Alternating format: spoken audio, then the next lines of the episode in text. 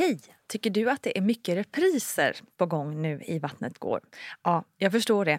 Det beror helt enkelt på att jag, Nina Campioni, just nu har en pop-up second hand i Modgallerian i Stockholm. Så min tid räcker helt enkelt inte tid att göra så många avsnitt som jag hade önskat. Men tills jag är tillbaka på full tid, kom gärna och hälsa på mig i Modgallerian. Vi ses! Den här patologiseringen Alltså att förmedla till kvinnan en känsla av att du är fel, din kropp är fel, du är verksvag mm. till exempel. Just det. det kan ju bli väldigt kränkande och um, mm. gränslöst att, att höra sådana saker. Hej, hej kära du och varmt välkommen ska just du vara till ett nytt avsnitt av Vattnet går med mig Nina Campioni. Jag hoppas att du mår exakt hur bra som helst just nu. Men om det är någonting som skaver i dig så passa på att prata med någon som du litar på. Eller varför inte dryfta dina tankar i mammagruppen på Facebook? För jag lovar att det finns massor av kloka människor där som är redo att lyssna på dig och stötta dig. Och det går också superbra att vara anonym.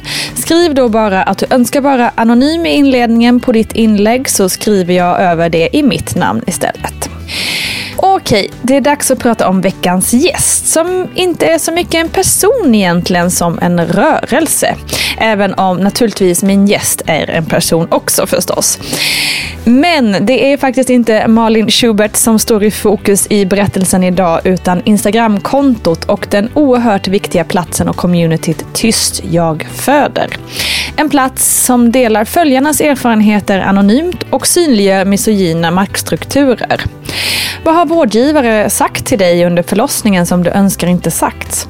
Ja, det tas fram under lupp hos Tyst jag föder och nu ska vi få höra hur kontot kom till och varför det verkligen, verkligen behövs. Välkommen kontots leading lady Malin Schubert.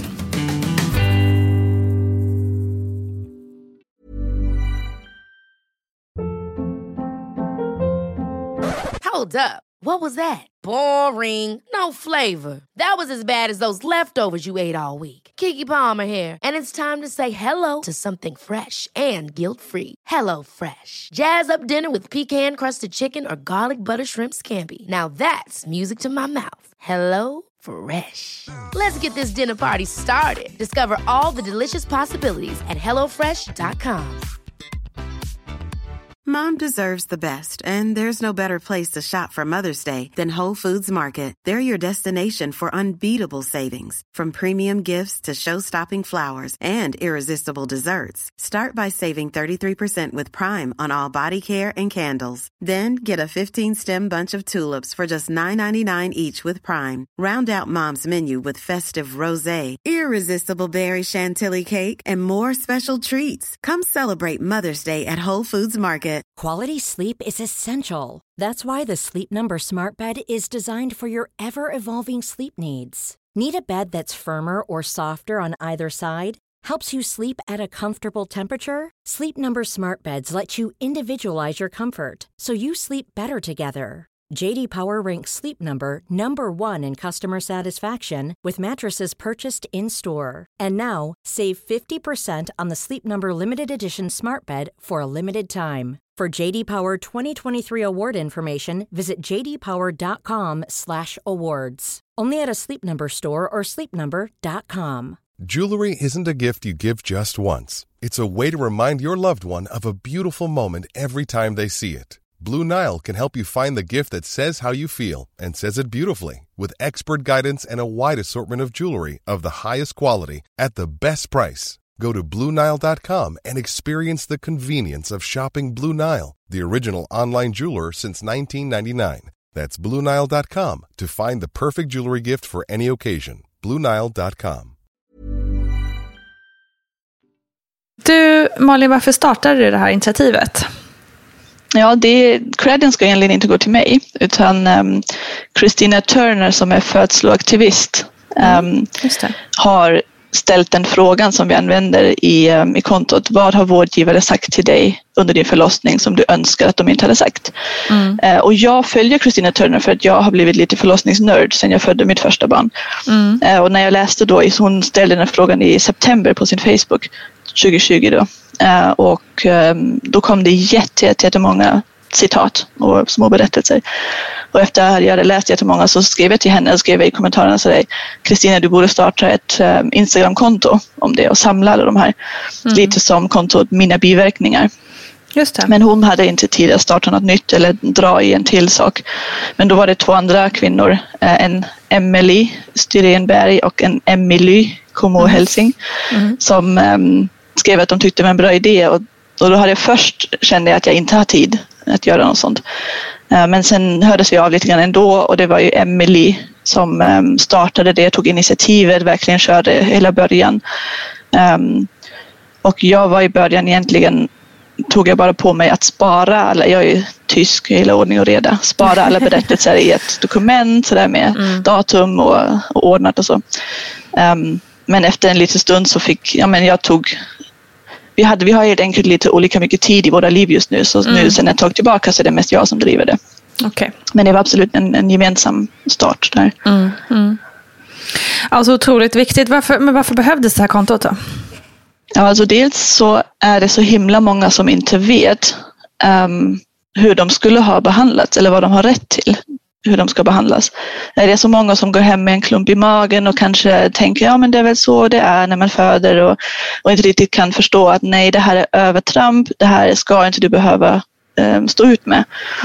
Mm. Um, och då hoppas jag ju att man kan bilda opinion. Alltså så att till slut att även politikerna, sjukhuschefer, de som skriver PM och så vidare förstår att det här är ett problem. Vi kan inte bara köra på som vanligt. Mm. Um, nu är det ju tur att vi har fått så himla många berättelser. Uh, så ju fler vi får desto mer, desto tyngre blir ju det budskapet vi försöker sända. Mm.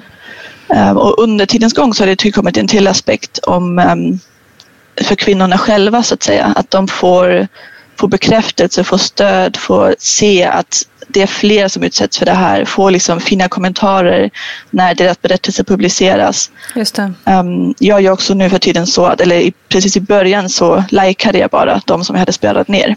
Mm. Men uh, Emily Österindberg um, tog, um, tog sig tid att svara personligt till alla mm. uh, med en personlig kommentar. Och det upp, upp, alltså det märkte jag ju, lärde jag mig då att det är otroligt viktigt förstås att få mm. den bekräftelsen. Mm.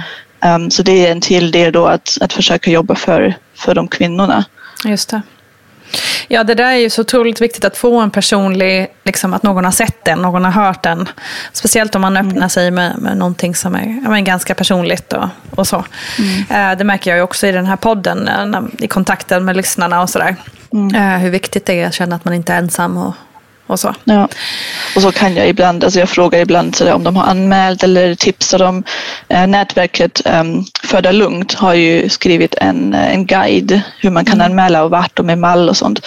Så sånt brukar jag hänvisa till. Alltså lite så det är helt enkelt lite hjälp på vägen med det. Mm. Um, den upplevelsen de har, de har fått.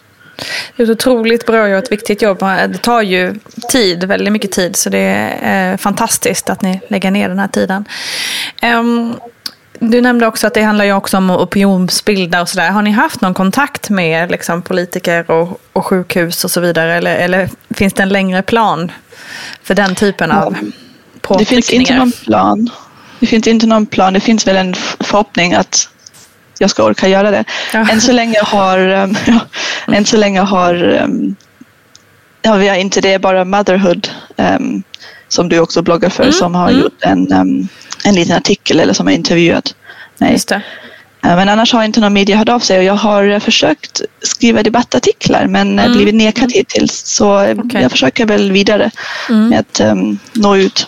Jag har också märkt att det är en väldigt känsligt ämne. Alltså det är, um, en del vårdpersonal som tar väldigt illa upp. Um, så jag kan tänka mig att det kanske känns lite, kanske lite svårt mm. för tidningar att ta i. Jag vet inte.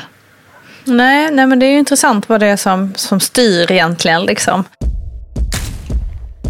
Jag fick höra, nu får du ta det lugnt, så ont gör det inte. Och prata svenska när jag pratade mitt hemspråk med min mamma som var med mig under min andra förlossning. Barnmorskan var otrevlig från början till slut och när jag inte fattade hur man andades in i lustgasen så tryckte hon in den i käften på mig medan jag låg där i smärta och tårar rinnandes ner för kinderna och sa Så himla svårt är det inte att göra som jag säger åt dig att göra. Ni pratar ju om termen obstetriskt våld. Kan du beskriva det och berätta mer om det, den termen? Precis. Det är egentligen nästan alla saker som skickas in är exempel på obstetriskt våld. Mm. Och man skulle kunna kalla det för föd, förlossningsvåld på svenska. Obstetriken, obstetriken är ju um, om en förlossningsläkare konsten. Mm. Um, och det är relativt nytt att, att fundera på det. Jag tänker på det. Um, World Health Organization, WHO, har um, 2015 tror jag att det var, börjat jobba på det. Att alla kvinnor ska ha rätt till att föda utan övergrepp och utan, med, med respektfullt bemötande och så vidare. Mm. Och um, jag, jag, tror jag kommer ihåg rätt att Venezuela var första landet som skrev in det i lagboken okay. i deras lag om mot våld mot kvinnor, att det var en del av det. Och de mm. tror jag, om jag, jag tror att um, minnas rätt, att de myntade begreppet. Um, och jag kan om du vill läsa upp en definition som jag tycker funkar bra. Mm, um, den är från en, um, en uppsats från Maria Björkman och Josefin Westerberg som har typ översatt, eller som har tagit den från, som jag har förstått den venezuelanska lagen. Mm. Obstetriskt våld innebär en avhumaniserande behandling, onödig medikalisering och ett försjukligande av naturliga processer, vilket leder till att kvinnor förlorar sin autonomi och berövas möjligheten att fritt bestämma över sin kropp och sexualitet. Och det är ju kärnan så att säga, att man inte längre är autonom. Man kan inte själv bestämma um, när man föder barn. Är det här någonting som finns i den svenska lagen? Det, det, finns patientlagen och egentligen så täcker den det. Det skulle egentligen inte behövas ett extra, en extra lag. Nej. Eh, för patientlagen är otroligt tydlig. Mm. Att det ska vara information, samtycke och delaktighet. Just och det, står väldigt tydligt att, um, ja, men jag har skrivit ut den faktiskt så jag kan läsa om du vill. Mm. Um, man ska få information om metoder och väsentliga risker för komplikationer och biverkningar. Eh, man ska få information om behandlingsalternativ. Man ska ha självbestämmande inom vården. Det får inte ges utan patientens samtycke. All vård och det gäller ju även förlossningsvården. Mm. Och man kan, patienten får när som helst ta tillbaka sitt samtycke. Det är också något att man kan ändra sig. Mm. Eh, och sen ska den så långt som möjligt utformas i samråd med patienten. Så att egentligen är de här grejerna väldigt tydliga på att mm, um, det krävs informerat samtycke. Och det är inte bara liksom, men informerat samtycke, det är inte bara att säga nu ska jag kolla hur öppen du är, se till om du har något emot det eller något sånt. Utan det måste ju vara informationer om för och nackdelar, alternativ, eventuella risker, mm. hur det eventuellt hänger ihop med andra um, mm. interventioner och så vidare. Och, och det Eh, kan man ju säga är inte implementerad. Alltså så är ju inte förlossningsvårdens riktlinjer skrivna idag. Om man, säger, om man ska ge några exempel på obstetriskt våld som ni också får inskickat till ert konto, kan, kan du ge några exempel på, liksom jag tänker högt och lågt, för det är ju lätt att man tänker, när man just hör ordet våld också, så tänker man ju oftast liksom fysiska handgripligen, eh, att man blir utsatt för något eh, sådant övergrepp. Men jag kan tänka mig att det finns ett brett spann. Ja. Precis, och det går ju från, alltså i Sverige är det ju ofta ändå relativt ovanligt med just fysiskt våld. Ja. Däremot finns det ju många berättelser hos oss eh, där någon blir fasthållen, mm. där någon tvingas lägga sig på rygg. Alltså mm. bara att en barnmorska eller läkare säger att nu ska du lägga dig på rygg för att jag ska kunna se bättre eller för att det är så vi gör eller för att utan anledning. Mm. Um, egentligen är det fysiskt våld redan. Um, det är um, att um, klipp i underlivet. Eh, det är fysiskt. Mm. Nekat smärtlindring om man mm. vill ha smärtlindring. Sådana saker är ju då på ena spektrum, på ena sidan av um, linjen skulle jag säga. Mm. Och sen går det vidare med att man helt enkelt inte ger informationen. Man bara säger nu sticker det till. Eller nu gör vi det här. Nu kopplar jag på det här droppet. Um, eller att man ger bristfällig information. Att man säger bara jag måste se hur öppen du är. Mm. Utan att säga varför och, och, vad ger det för information, varför är det bra, varför är det dåligt. Mm. Um, det är ju också våld, tycker jag. Eller det är våld, även om det mm. kanske känns som att, att det skulle vara normalt. Ibland kan man bara liksom att använda auktoritet. Att, men vi gör så här. Vi sätter igång alla som inte öppnar sig. Eller, um, Eller att säga det här är fara för ditt barns liv när det kanske inte riktigt är så himla mm. farligt. Alltså bara spela på att det är någon som sitter på kunskapsövertaget och på auktoriteten. Mm. Uh, och sen är ju alltså just det som jag tycker är så bra med den definitionen av, av obstetriskt våld som jag läste upp är att den är patologiseringen. Alltså att förmedla till kvinnan en känsla av att du är fel, din kropp är fel, du är mm. verksvag mm. till exempel. Just det.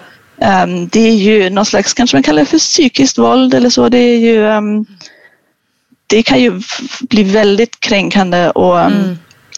gränslöst att, att höra sådana saker. Verkligen, det där ordet verksvag har vi pratat om många gånger. Det är ju ett fruktansvärt mm. ord egentligen. Ja, verkligen. Och det är så, det är så sjukt att eller jag är så arg över att den är dubbel, jag tycker det är en dubbelbestraffning som kvinnor utsätts för. Å ena sidan hör man hela tiden och det är Sverige bra på att skriva, att säga sådär, det är naturligt, eh, kroppen kan föda, alla mm, kan, eh, kvinnor kan och så vidare. Och, mm. och egentligen är det något fint, det är något att ta tillvara på. Graviditet är ingen sjukdom och det kommer gå bra och så vidare. Mm. Problemet blir bara om man sen inte ger dem förutsättningarna för att det ska funka som man säger, utan att man har organiserat förlossningsvården eh, enligt ett risktänk som ofta hindrar det här naturliga kroppen kan föda och så. Mm. Utan um, den är helt enkelt inte utformad efter hur vi som däggdjur rent fysiologiskt föder våra barn. Och då blir det en så himla dubbel bestraffning att å ena sidan hela tiden säga att allt är naturligt, allt går bra. Och sen är det bara några väldigt få som, som faktiskt kan föda. Mm. Eller som faktiskt får chans att föda fysiologiskt, naturligt kan man det kallas för. Barnmorskan. Jaha, och så är det du som ska sövas då? Jag? Eh, nej. Barnmorskan. Jo, det står här i din journal. Läkarna bestämde det för tre dagar sedan. De glömde visst berätta den detaljen för mig och stal därmed minnet av födseln av mitt första barn. Hur känns det liksom att jobba med det här och få, och få läsa alla de här liksom upplevelserna? Och jag kan tänka mig att det är mycket känslosamt ibland. Det är det absolut. Ehm, det är, ja, men ibland sitter jag ju och får tårar, helt klart. Mm. Uh, ofta blir jag arg. Mm. Um, det är mycket känslor att läsa det. Nu har jag ju, vi har fått 820 berättelser i skrivande stund. Wow. Jag ligger lite efter med publiceringen men uh, så jag har ju läst uh, minst två gånger då 800 berättelser av kvinnor som far illa. Så det är mm. väldigt känslosamt. Men jag, det, jag tycker, nu kanske jag är optimist, men jag tycker mig se att det ligger något i luften. Jag upplever att nu snart, för det har ju funnits jättemånga olika uppror och, mm. och um, grupper och folk, alltså barnmorskorna skriker sig hesa sedan Exakt. jättemånga år tillbaka om att det är mm. orimliga villkor. Kvinnor har startat olika upprop och sånt. Um, det startades en namninsamling i höstas nu som fick 30 000 signaturer som inte ledde någon vart. Um, men jag, det känns lite som att jo, men nu snart, nu snart mm. kommer vi mm. komma fram och ju större det här kontot blir desto ja, då känner jag liksom att snart kommer de inte kunna gömma sig. Politikerna gillar ju ofta att prata om 95 procent är nöjda och allt är så bra och det finns ingen mm. platsbrist och det finns ingen patientsäkerhet, det är inte hotad. Um, men det stämmer ju inte. Um, så det, det hoppas jag att det snart ska, snart ska vända. Hända någonting. Vad, är det så, liksom, vad tror du allt det här beror på? Liksom? Varför har vi kommit hit att det liksom behövs ett konto som samlar eh, alla de här upplevelserna? Och varför är det så många kvinnor som, eh, som upplever att de blir illa behandlade eller till och med utsatt för liksom, övergrepp i förlossningsrummet? Um, jag ser att det är mest strukturella problem. Visserligen finns det vissa rötägg i vården och vissa berättelser man läser är det bara liksom, okej okay, den här människan ska inte jobba med människor, den behöver lämna sitt jobb och så. Mm. Men jag upplever att de allra flesta sakerna är, är strukturellt och det är därför det blir så lite svårändrat. Eller det, det, krävs, man kan inte bara trycka på en knapp och få en ändring utan mm. det är resursbristen. Att det anställs alldeles för få barnmorskor eller snarare sagt barnmorskorna flyr ju Mm. Det finns ju många barnmorskor som inte vill jobba inom förlossningsvården som det ser ut idag. Mm. Um, så att de har flera födslar samtidigt, um, inte kan ge den vård som de egentligen skulle vilja ge. Mm. Um, platsbristen, att rummen, alltså födarna ska slussas igenom snabbt. Alla kan inte stanna hur länge de vill och, och så. Mm. Rummet behövs igen. ett stort problem är ju att organiseringen som vi har är att den inte bygger på relationell vård utan eh, man träffar en annan, man träffar en helt ny person när man ska föda. Och det har ju många studier visat att det inte är optimalt. Mm. Eh, det är mycket bättre, det blir mycket bättre utfall om man har någon som man redan känner, om man alltså går på MVC eh, hos dem eller någon av dem som sen ska vara med när man föder. Mm. Eh, nu finns ju projektet Min barnmorska i Huddinge mm. men så vitt jag vet är det enda i Sverige ja. som jobbar så. Eller om man, är det, om man föder hemma, då får man ju också det.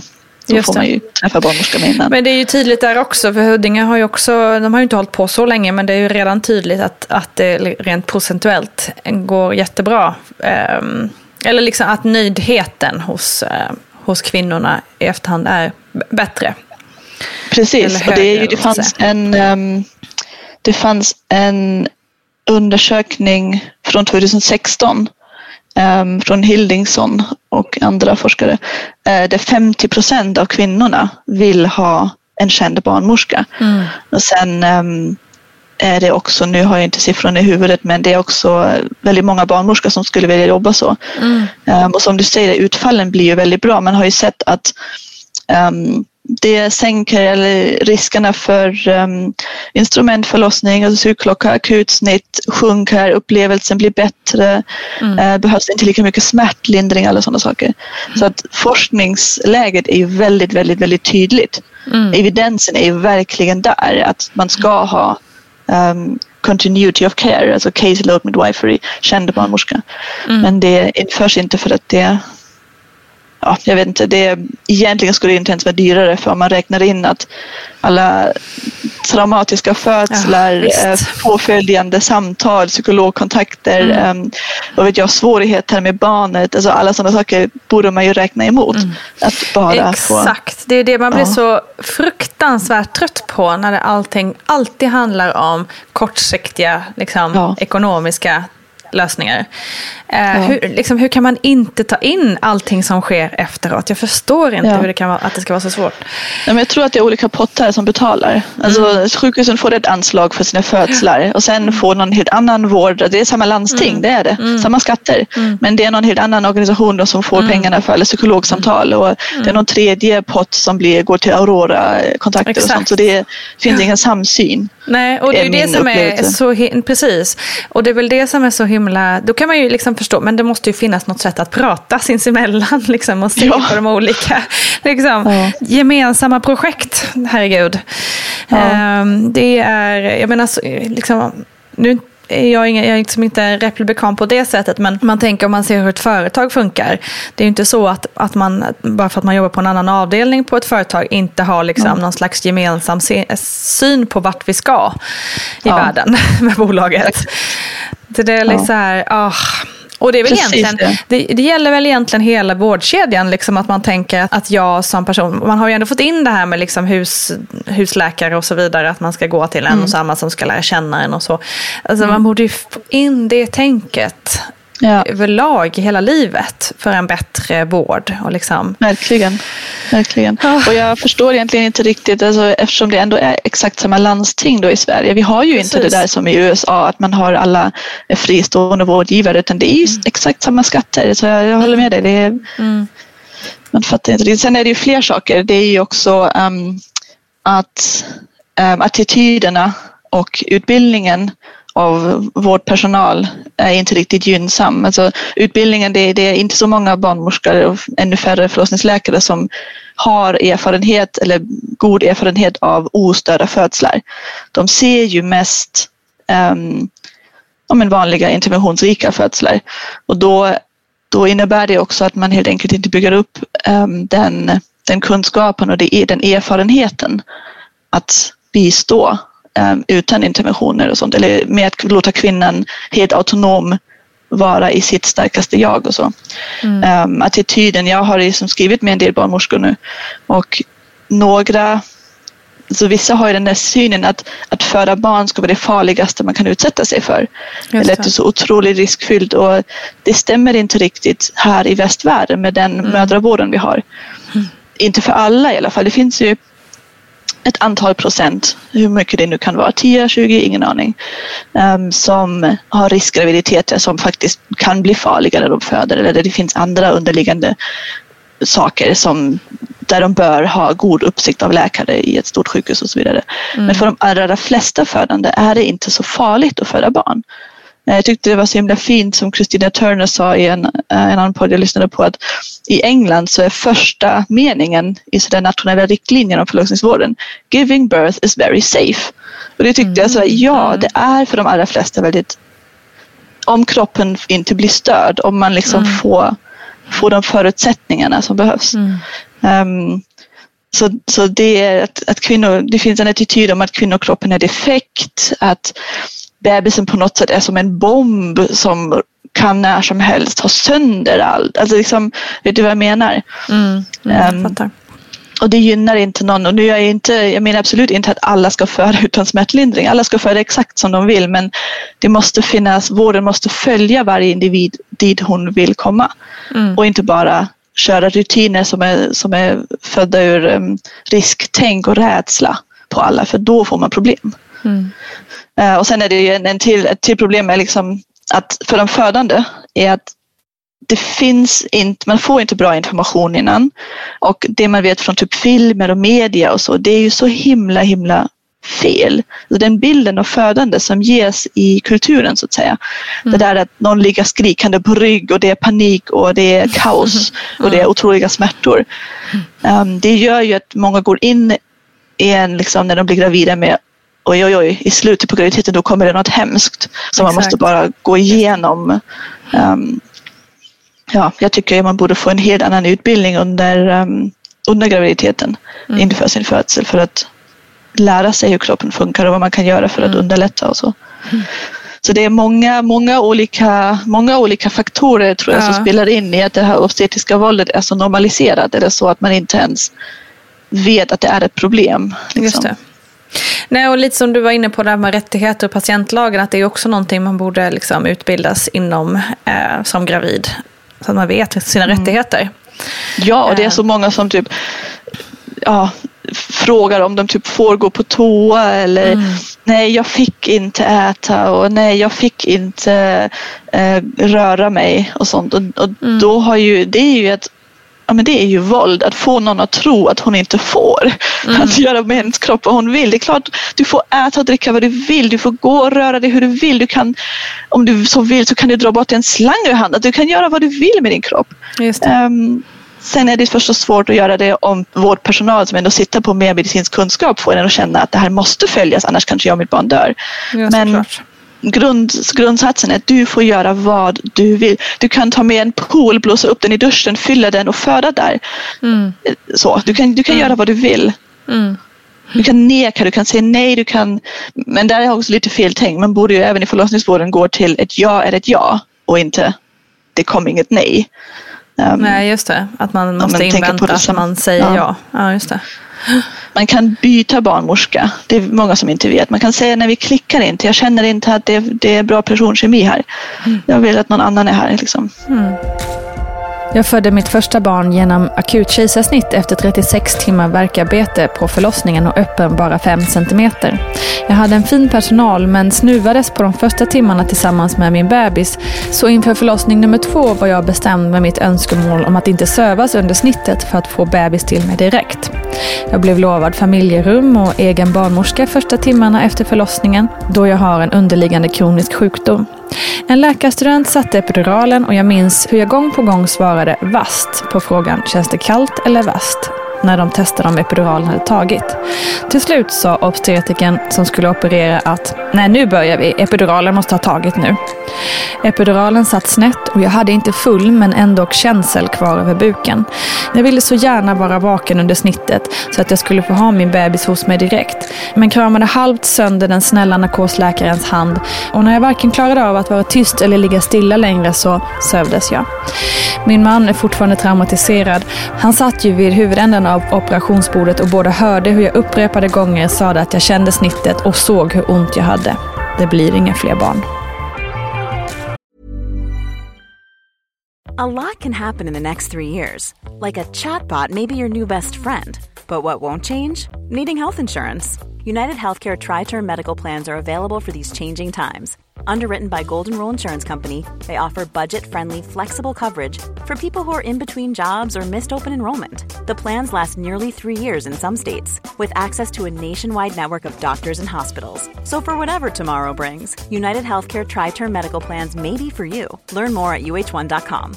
Ready to pop the question? The jewelers at BlueNile.com have got sparkle down to a science with beautiful lab-grown diamonds worthy of your most brilliant moments. Their lab grown diamonds are independently graded and guaranteed identical to natural diamonds, and they're ready to ship to your door. Go to Bluenile.com and use promo code LISTEN to get $50 off your purchase of $500 or more. That's code LISTEN at Bluenile.com for $50 off. Bluenile.com code LISTEN. Hey, I'm Ryan Reynolds. Recently, I asked Mint Mobile's legal team if big wireless companies are allowed to raise prices due to inflation. They said yes. And then when I asked if raising prices technically violates those onerous two year contracts, they said, What the f are you talking about, you insane Hollywood ass? So to recap, we're cutting the price of Mint Unlimited from $30 a month to just $15 a month. Give it a try at mintmobile.com slash switch. $45 up front for three months plus taxes and fees. Promo for new customers for limited time. Unlimited more than 40 gigabytes per month. Slows. Full terms at mintmobile.com. Quality sleep is essential. That's why the Sleep Number smart bed is designed for your ever-evolving sleep needs. Need a bed that's firmer or softer on either side? Helps you sleep at a comfortable temperature? Sleep Number smart beds let you individualize your comfort so you sleep better together. JD Power ranks Sleep Number number 1 in customer satisfaction with mattresses purchased in-store. And now, save 50% on the Sleep Number limited edition smart bed for a limited time. For JD Power 2023 award information, visit jdpower.com/awards. Only at a Sleep Number store or sleepnumber.com.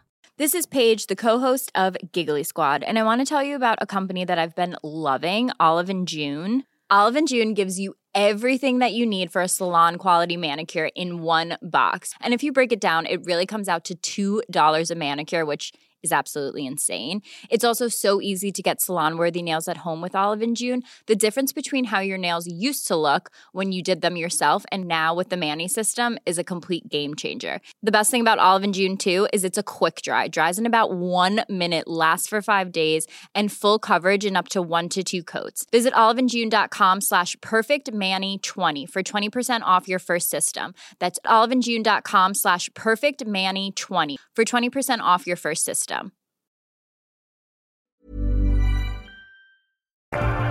Vad tror du behövs, liksom, vad behöver komma på plats för att vi ska nå liksom, en, en riktigt bra förlossningsvård där, där den här sortens upplevelser inte förekommer?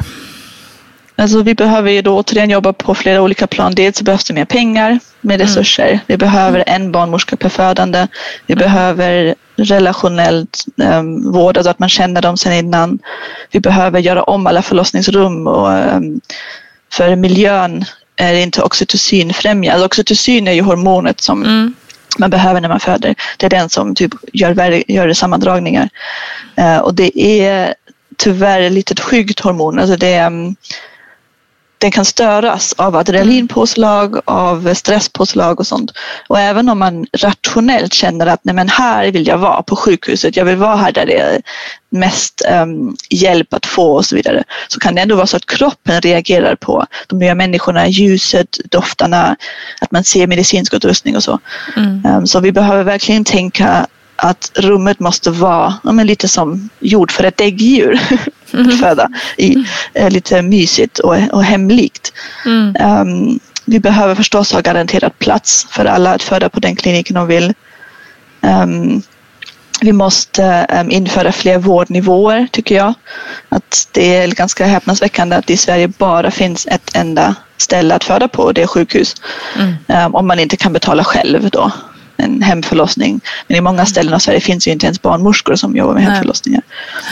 Um, så vi måste inrätta, det finns också jättemycket forskning på att friska lågriskgravida föder bäst utanför sjukhus. Då blir det minst komplikationer uh, och bäst utfall. Och det vi behöver liksom att man kan föda hemma på barnmorskeledd enhet. Det är mm. något som måste återinföras eller införas på bredden i Sverige helst då liksom fristående barnmorskeledda enheter och barnmorskeledda enheter i anslutning till sjukhus. Sen förstås akutsjukhus och sen planerade snitt. Alltså hela mm. spektrum ska vara fritt mm. att välja alla, på. Alla är inte stöpta i samma form liksom. Exakt.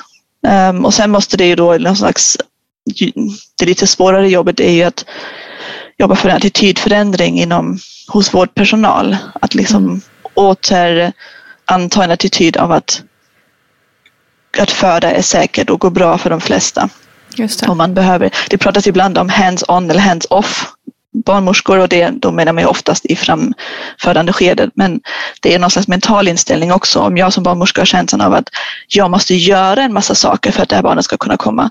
Eller om jag har liksom hands off eller hands poised, att jag bara står och tittar och iakttar om det börjar gå ifrån det normala födandet till att det blir en komplikation. Mm. Um, lite så. Sen framförallt då också att, att alla ska ha kunskap om att bistå alla möjliga typer av födslar. Um, helt, helt fysiologiska utan interventioner, sätesförlossningar. Det finns så mycket kunskap som inte finns eller inte finns längre. Så att kvinnorna inte ens kan. Mm. Om jag har otur, om jag till exempel har ett barn i säte, uh, alltså som ligger med rumpan ner och kommer in um, och det kanske på den kliniken just nu inte jobbar någon som har bistått en vaginal sätesfödsel. Mm. men då kan inte jag, då det är obstetriskt våld, då kan inte jag, då är inte jag autonom längre. Då kan inte jag fritt bestämma över min kropp längre. Mm. Ja. Ja, du, det finns verkligen mycket som, som krävs för att få till det här. Och bara det blir lite så här, att det ska krävas så mycket för att eh, få till, det låter lite dumt kanske, men jag tänker att det är så här, återigen kommer man in till att det är en kvinnosaksfråga. Ja. Eh, och att vi hade inte haft det här problemet eh, om det inte vore för att det är kvinnor som föder. Precis. Um, och om, för att vara ärlig också lite grann att Alltså nu vill jag inte alls um, idealisera födandet för 200 år sedan. Det var ju, folk var fattiga, undernärda, um, hade dåliga um, hygieniska förhållanden och så vidare. Så jag menar inte så, men jag menar att mm. det brukade alltid vara kvinnor som stöd, stödjer kvinnor när de föder, som har sett många födslar, som um, har stor erfarenhet av, av födslarna och sen någon gång på 1800-talet så tog ju läkarna, och då var ju läkarna enbart en manlig konst över mm. det där. Mm. Um, och um, hade ingen alls koll på, hade ingen koll. I början dog ju kvinnorna radvis för att de inte tvättade sina händer när de kom. Alltså mm. liksom, de bara kom in och lyssnade inte alls på den kunskapen som fanns sen innan. Uh, och sen under det här, alltså på 1950-talet och så vidare, då var det också väldigt kvinnofientligt. Man såg, man såg födandet bara som en fysisk process någonting ska öppnas och någonting ska ut. Och där kan man hjälpa till om man liksom trycker på och skyndar på och bedövar och domnar och kanske till och med sövar ner och så vidare. Det var liksom enbart det här fysiska, liksom. Mm. det ska öppnas och det ska ut. Men en födsel är ju fysisk, fysiologisk och psykisk. Och mm. de aspekterna kallas ju ibland också för mjuka värden, vilket och i vårt samhälle, alltså vårt syn på det här är ju att det, de är lite mindre värda än hard facts. Det är också därför att forskning till exempel, det finns mycket forskning om till exempel klipp eller inte klipp. Men det som, är så, det som gör mig så arg är till exempel när man jämför klipp och inte klipp. Till exempel vid sugklocka. De vill kolla, de gör en forskningsstudie nu på om um, man använder sugklocka, om det blir bättre utfall, alltså mindre bristningar om man klipper i mellangården eller inte. Mm. Men det är fortfarande en sugklocka som antagligen blev till för att kroppens förmåga att föda blev störd någon gång. Jag tycker det är lite så som om man jämför. Så att, ah, vi ska se om det är bättre att löpa eh, barfota eller med skor. Fast mm. ni måste springa i sand. Alla springer mm. i sand. Och då kommer man fram till att ja, men med skor går lite bättre än barfota. Men ingen kollar på men hur går det om man springer på en äng. Alltså, ja, vet du vad jag menar? Man kollar ja, inom ramen för det här förlossningssystemet som i mm. sig ofta är ogynnsamt från början. Mm egentligen borde ju vid alla studier riktmärket eller det man jämför med borde ju vara typ om man säger en hemmafödsel helt utan interventioner. Mm. Bara för att vara krass, alltså någon som inte mm. alls blir störd. Mm. För, och till exempel den mängd bristningar som finns i sådana förhållanden måste jämföras med alla andra bristningar. Det. Inte det här, vi använder sugklocka, de brukar brista mycket. Mm. Nu ska vi se om de kan brista lite mindre. Alltså mm. det Nej, men, men exakt. Såna... Att liksom titta på varför behövs sugklockan från första början. Liksom hur, ska, hur kan vi jobba bort sugklockan istället för att titta på Exakt. Jag har hört, det, liksom. jag hoppas att det inte stämmer, men jag har hört att var sjätte förstföderska blir förlöst och det här sammanhanget använder ordet förlöst med flit med sugklocka. Mm. Om det stämmer, det är helt fruktansvärda siffror eller bara liksom ja, vägstimulerande dropp. Otroligt. Om det liksom, det senaste gravidregistret har ju visat att över hälften av alla um, får vägstimulerande dropp. Och mm. om man tänker efter, det skulle ju betyda att vi inte kan, att hälften av kvinnorna inte skulle kunna föda sina barn.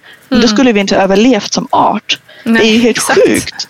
det är liksom, då, märk, då måste man, slutsatsen av en sån siffra måste ju vara, vad gör vi för fel?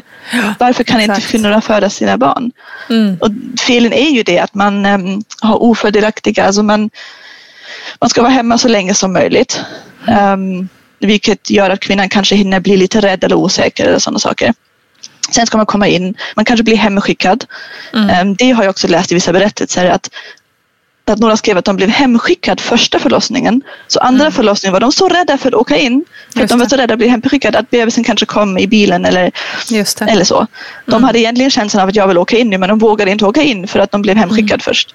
Mm. Eh, förra förlossning. Det är helt mm. sjukt. Mm, det var um, det är vansinnigt och sen kommer man in då och som sagt, även om man själv tycker att man gärna vill vara i sjukhus och det är många som vill det. Kroppen reagerar på att det är miljöbyte, ehm, att det är nya människor, ny lukt, nytt ljus och så vidare.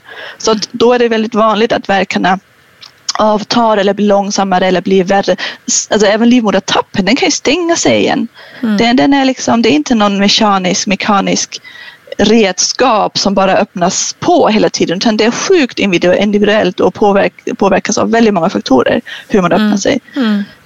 Um, och det skulle inte heller vara något problem om vi sen som sjukhusrutin hade byggt in den här att kvinnan behöver, eller kroppen behöver komma tillbaka Just det. till födandet. Börja känna sig hemma och känna sig bekväm Precis. i rummet. Och, mm.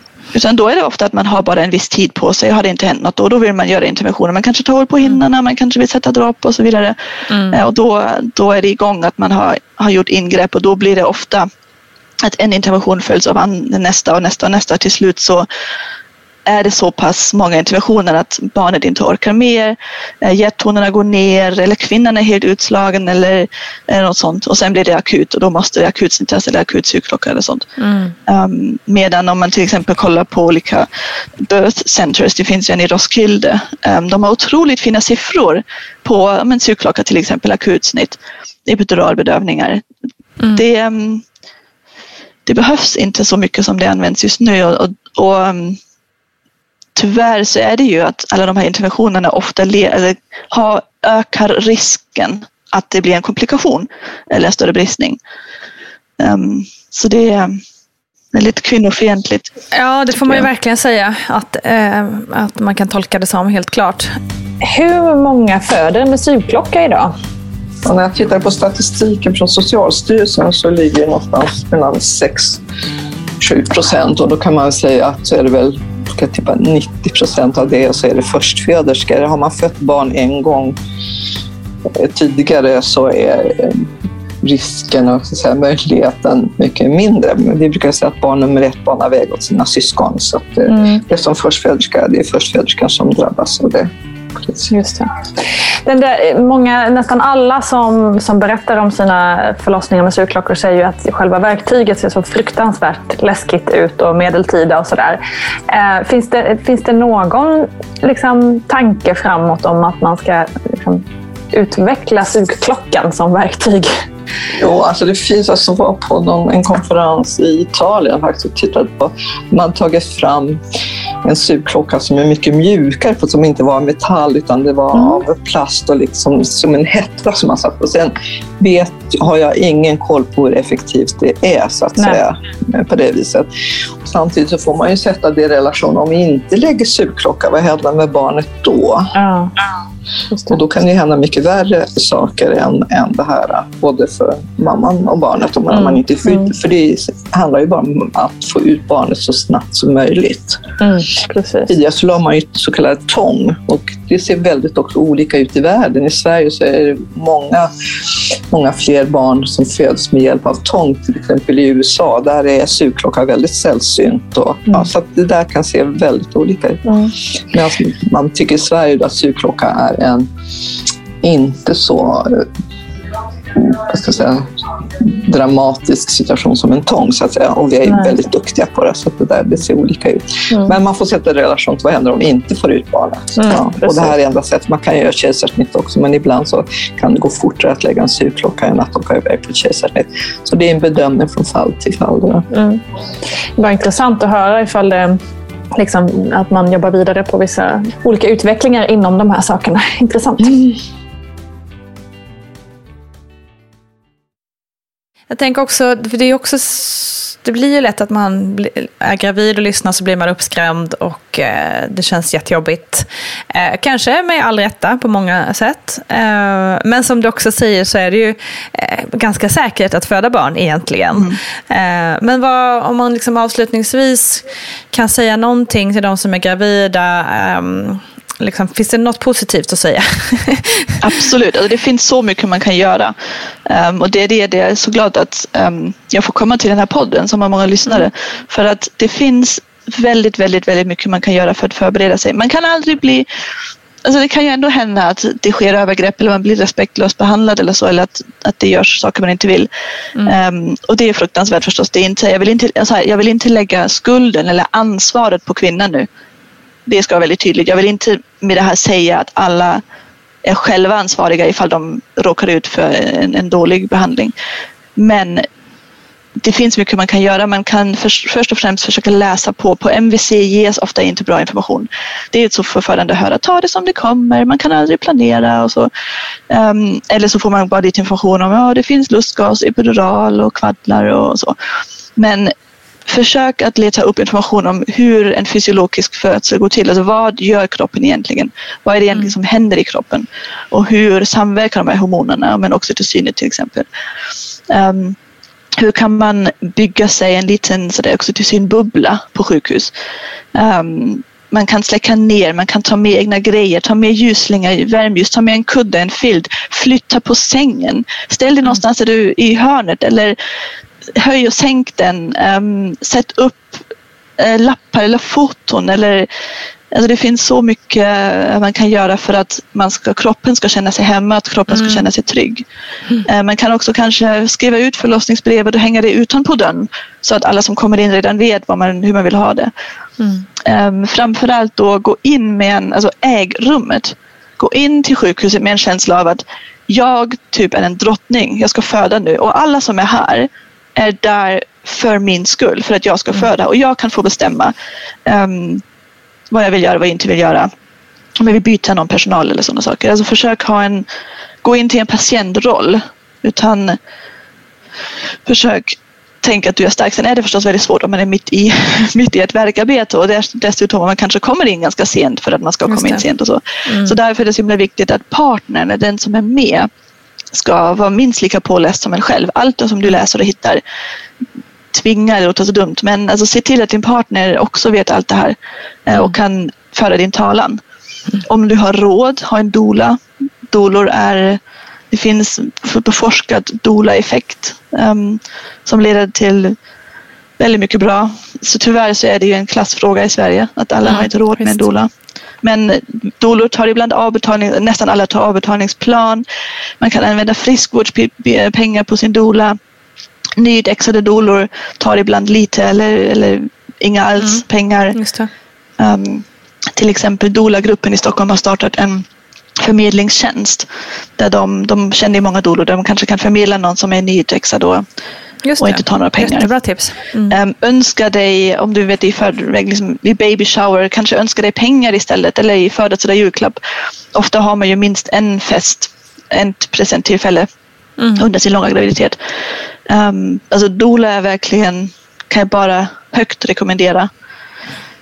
Um, dofter funkar ofta ganska bra på hjärnan för att dofter går liksom rakt in i um, den urdelen av hjärnan. Så om du har någonting som du gillar lukta på, ta med det. Sen är det förstås lite svårt i Sverige med att man ska inte dofta allergier och så men mm.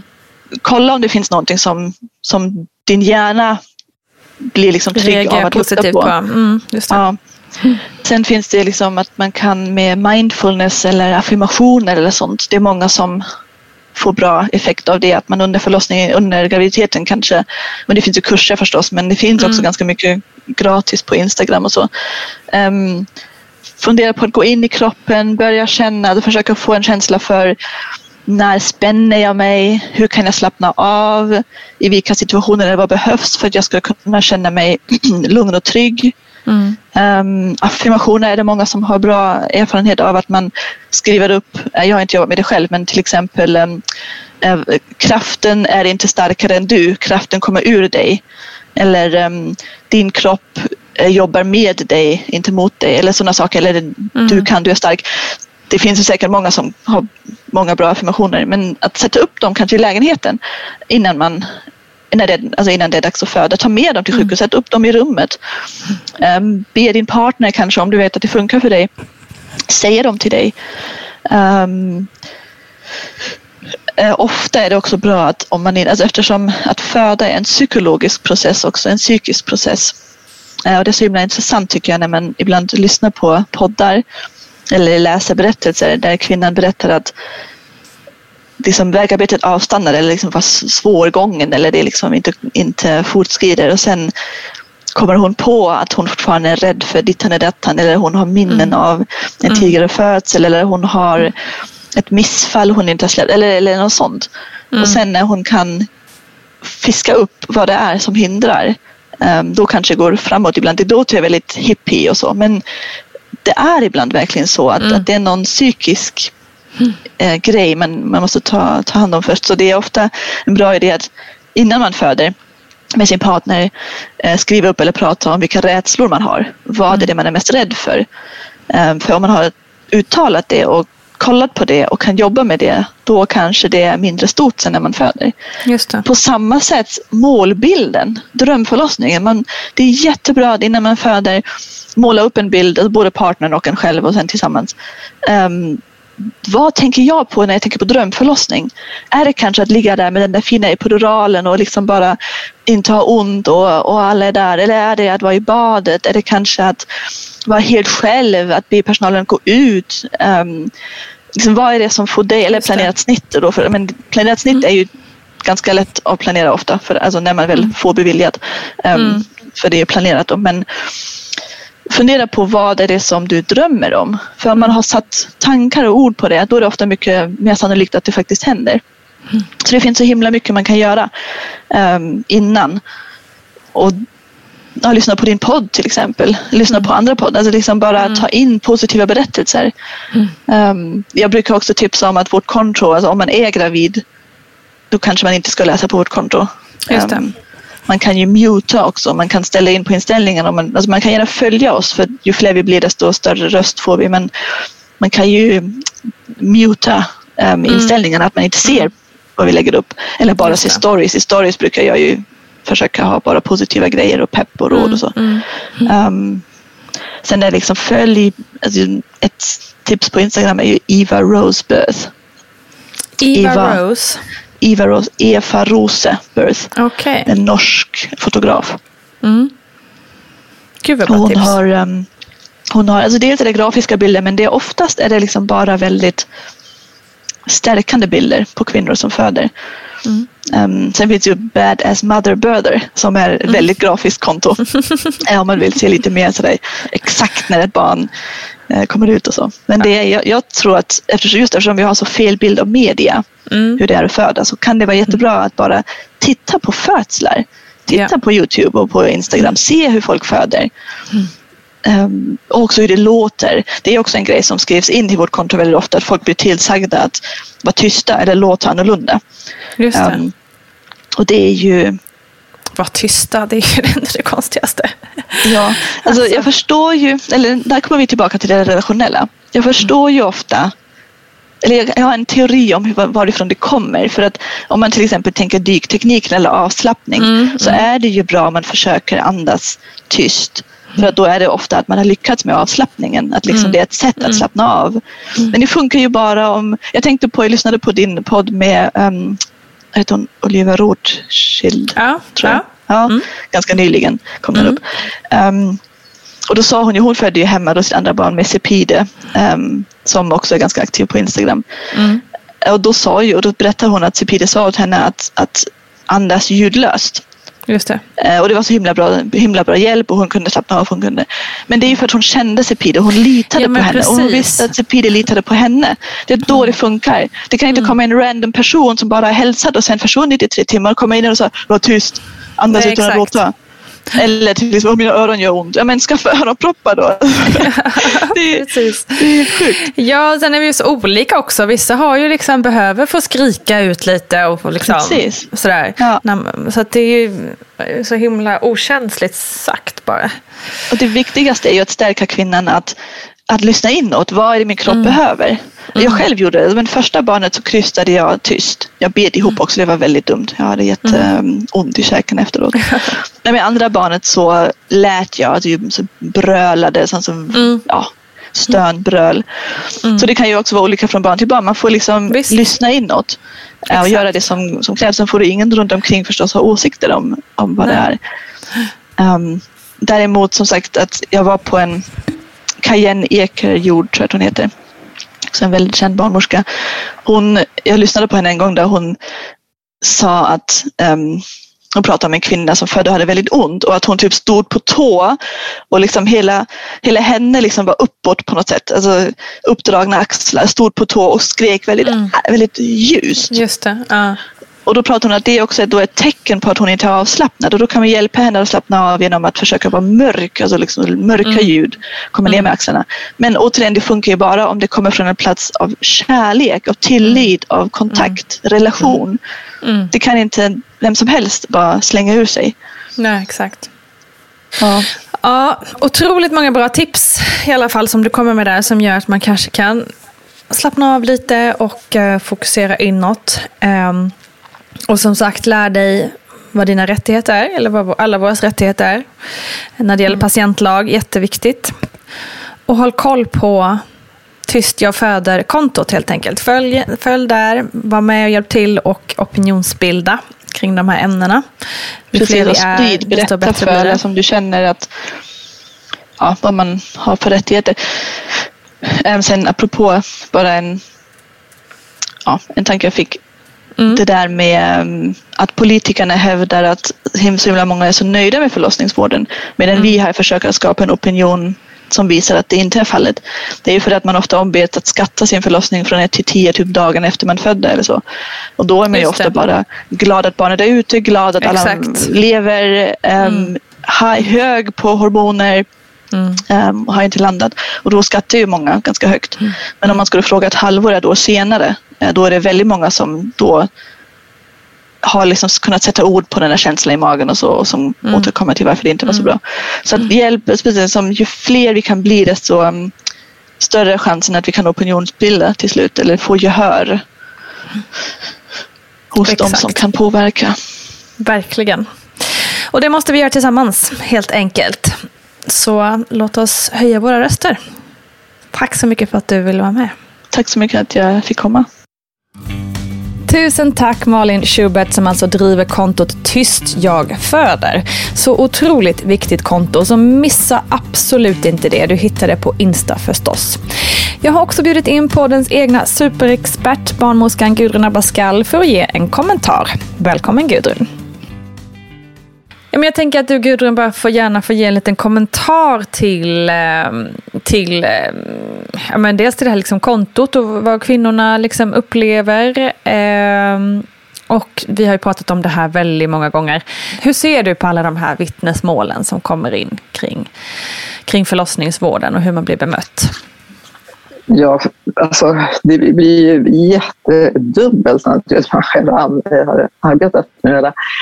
Så att, och jag, blir, jag kan ju bara beklaga och tycka att det är så tråkigt. När man läser det här så känner man sig, men oj, eh, att, att det kan vara på det här viset. Och hur, hur beter vi oss inom vården? Och, alltså så, här ska det, så här ska det verkligen inte behöva vara. Jag, jag blir, blir lite skrämd av det hela. Eh, samtidigt så vet jag att det här är också en väldigt känslig eh, situation och det handlar ju också om social kompetens hos personalen kan jag tycka så här då. För det är en sak vad man säger och sen hur det uppfattas och vem man tolkningsföreträder. Mm, och där ju är naturligtvis kvinnan och föräldrarna, det är de som har tolkningsföreträde. Det spelar ingen roll att jag som barnmorska säger att jag menade inte så, jag skämtade lite grann. Det finns ju mm. massor, om du går ut och frågar barnmorskor som skulle förklara på det viset. Att det är klart att mm. jag ville mm. att det skulle låta på det viset. Och därför tycker jag att vi skulle bli, kunna bli väldigt mycket bättre i sådana situationer när kvinnor föder barn och vad, vad som sägs, det är att, att man alltid har ett uppföljande samtal tycker jag kring det här. Hur, hur uppfattar ni, när jag presenterade det här eller när vi diskuterar, hur uppfattade du, är vi överens, är det okej? Okay? Och det, mm. det borde vi borde vi verkligen göra väldigt, väldigt mycket mer. Så att, säga. att vi mm. okejar varandra under tiden så att, säga, så att inte den här missförstånden är. Och sen så kan det handla om stress hos personalen och ja, alltså olika förklaringar. Ja, Men, precis. Jag skulle också vilja säga, fråga det där. Just det här med att det är också någonting vi har pratat väldigt mycket om. Nedskärningar och pressen på arbetsplatsen för barnmorskor och, och läkare och eh, undersköterskor. Eh, påverkar det också hur man för sig? Ja, alltså, viss, ja alltså, det, det, tror jag att, att stressnivån är lite hög, men jag tror ändå att mer den här vad som sägs och hur det uppfattas, alltså missuppfattningar och så vidare. Att, att det, och sen den här sociala kompetensen hos, hos barnmorskor. Jag brukar säga när jag undervisar blivande barnmorskor att, att jag struntar i vad ni har för för betyg i matte och fysik. Det är inte det som är det viktigaste. För mig, ska man arbeta som barnmorska så är det din sociala kompetens, förmågan att lyssna, vara inkännande, allt det där. För det ligger mm. i personligheten och det är svårt att lära sig, för det har man redan. Men de mm. andra arbetsuppgifterna som barnmorska, det kan jag lära dig. Så att säga. Just det. Men den här sociala kompetensen skulle jag vilja att man jobbade mycket, mycket mer med. Hur man kommunicerar i en sån här mm faktiskt situation som det är för kvinnor att föda barn och hur lyhörd och att kunna lyssna. Det, det, där skulle man faktiskt kunna gå in i utbildningen väldigt mycket. Ja, och, där tänker jag, för, förlåt att avbryta dig, men eh, jag upplever, nu blir det lite fördomsfullt kanske, men jag upplever ju att, att barnmorskor oftast är ganska bra på det, men däremot läkare kanske saknar den biten ibland, empati och eh, liksom mer ser på det fysiska bara och glömmer liksom kanske ibland bort människan. Um, det här uttalandet får stå för mig naturligtvis. Men eh, ja, vad, jo, vad nej, tror men, du om det? Alltså, jo, jo, det kan jag också tycka. Alltså, vad fördelen för läkarna inom situationstecken det är ju att de är närvarande under väldigt korta stunder i så fall i, mm, i, i mm. kvinnors föda. Medan du som mm. barnmorska är närvarande hela tiden. Så jag upplever nog ändå att mm att föräldrarna och kvinnorna är mycket mer beroende av barnmorskan, mm, så att mm, säga, för mm. att man kommer känslomässigt mycket, mycket närmare. Och där mm. personligheten har ännu större betydelse än att en person som kliver in och sen går ut och så träffar man dem inte, inte mera. Mm. Och, och, att det här med personligheten och det här förtroendet och tilliten, att känner man inte så, så finns det bara en sak att göra och det är att byta barnmorska. Man känner att vi kan inte mm. kommunicera, hon säger så konstiga saker och knepiga. Det. Och det är också svårt att ta upp det. Och sen ha, använda sig av sin partner tycker jag som som, mm, som, som jag tycker är väldigt viktigt, så att inte kvinnan tar på sig att det är hon som ska måste framföra allting och stå, utan att det här har, har föräldrarna kommit överens om fördelningen och att partnern tar på sig att styra upp situationer som blir knepiga, tycker jag, inte kvinnan som föder. Men byta barnmorska tycker jag, det, det går alltid. Och, ja. Och det ska man ju inte vara rädd för att göra naturligtvis, Nej. även om det kan kännas Nej. lite jobbigt. Men du, om man, eh, om, vi har ju också pratat om det här, vi har gjort ett helt, helt avsnitt om hur man kan göra om man tycker att man ska anmäla vården för eventuell mm. liksom, missbedömning eller ja, vård som man inte har accepterat eller det har blivit fel eller vad man nu säger. Mm. Eh, men också om man har blivit liksom, behandlad på ett sätt som inte känns bra, kan man anmäla det också? Alltså behandlad, bemött menar jag, inte behandlad vårdsmässigt, eh, liksom ens fysiska åkommor och så, utan rent, eh, ja, eh, att någon har sagt något till en eller att man inte blivit behandlad med respekt eller vad det nu ska vara. Är det något ja, man kan anmäla? Så, nej, men eftersom så vi har ju det här, om man tittar på det rent juridiskt sett så finns det ju en, en lag för sjukvårdspersonal om yrkesverksamhet och så vidare, där det står klart och tydligt att vården ska utformas eh, så långt som möjligt och genomföras i samråd med patienten, säger lagen. Man ska visa omtanke och respekt. Vården ska vara individuellt anpassad Man ska mm. få information om sitt hälsotillstånd och undersökning. Allt det här finns det ju en lag på, så det mm. är man ju tvungen att, att föra. Och likadant patientlagen också, det där med, mm. med att eh, det, det ska vara delaktighet och, och eh, informerade val. Och, ja, vi har pratat om det, mm. kontinuitet mm. i vården och allt det där. Precis. Så det, det, finns absolut att man kan göra det. Sen om vi då kommer in på vart man går, så IVO är ju väl idag högsta instansen om man ska anmäla.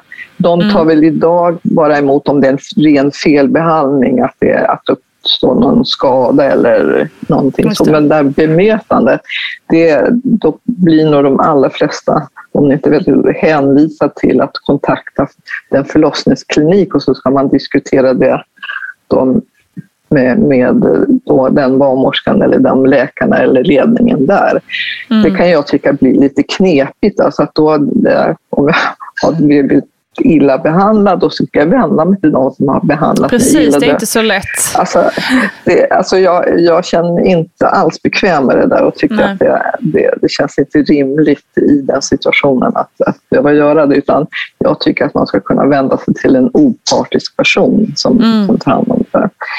Och då finns det ju en patientnämnd i varje region som man kan vända sig om patientombudsman också som till sjukhuset som är väl opartiskt utifrån det perspektivet. Men de har, kan inte ställa till rätta utan de kan, kan i princip förmedla vad okay.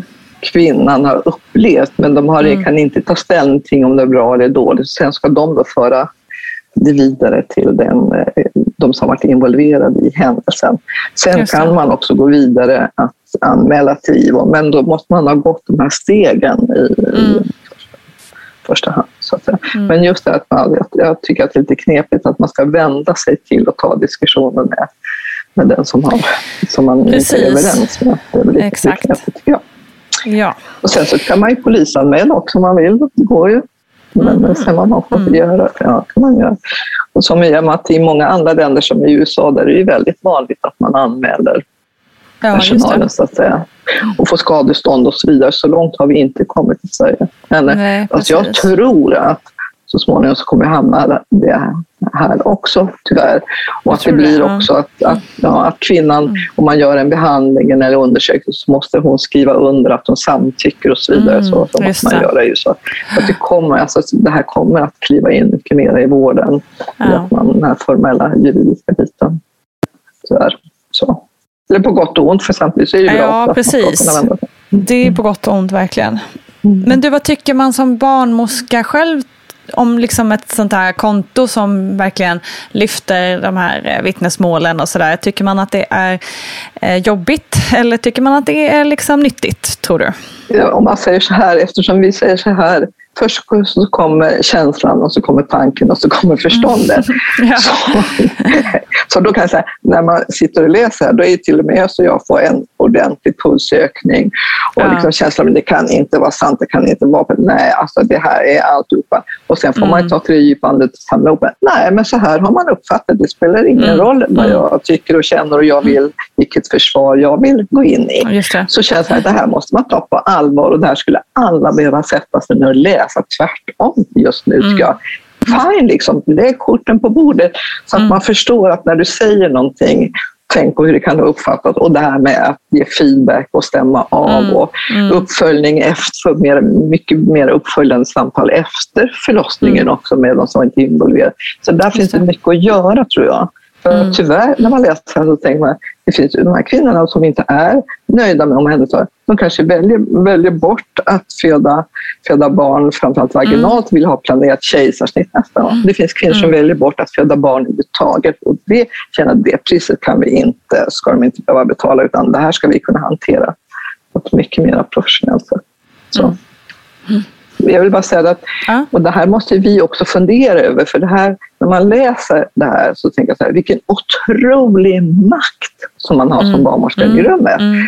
Och det måste man vara medveten om. Jag brukar prata med studenterna om att när ni kliver in, kom ihåg att det är ni som har makten. Det hela. Mm. Och makt mm. kan man använda på ett dåligt sätt men också på ett bra sätt. Man kan vända på och göra någonting väldigt bra av det också. Det här får man gå hem och fundera över, tycker jag. Hur mm. använder jag min makt som barnmorska på ett bra sätt för att gynna kvinnan och föräldrarna i rummet? Mm. Mm. Verkligen. Tack, Tack Gudrun, klok som en bok som alltid. I ploggen avsnitt 205 så kan du höra mer om hur man gör för att anmäla vård som du fått. Jag tycker det är viktigt att känna till att man faktiskt kan anmäla. Och jag har själv anmält behandlingen jag fick i samband med mitt missfall. Jag tycker att det stärkte mig att både stå upp för mig själv och för alla andra kvinnor. Att liksom åtminstone anmäla att man tycker att något har skett fel. På så vis är det också enklare att gå vidare inåt tycker jag. Att man liksom sagt ifrån. Det stärker. Okej, Tyst jag föder heter kontot. In mer och följ på Insta och följ såklart också Vattnet går där samtidigt. Ha nu en riktigt fin dag allihopa. Stor kram!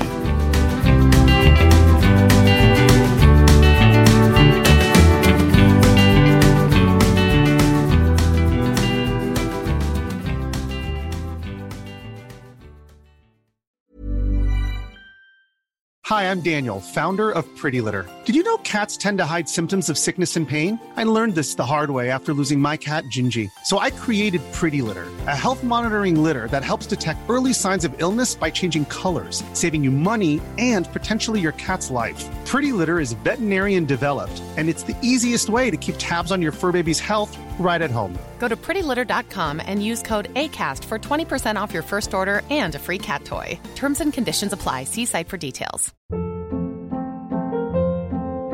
Hold up. What was that? Boring. No flavor. That was as bad as those leftovers you ate all week. Kiki Palmer here, and it's time to say hello to something fresh and guilt-free. Hello Fresh. Jazz up dinner with pecan-crusted chicken or garlic butter shrimp scampi. Now that's music to my mouth. Hello Fresh. Let's get this dinner party started. Discover all the delicious possibilities at hellofresh.com.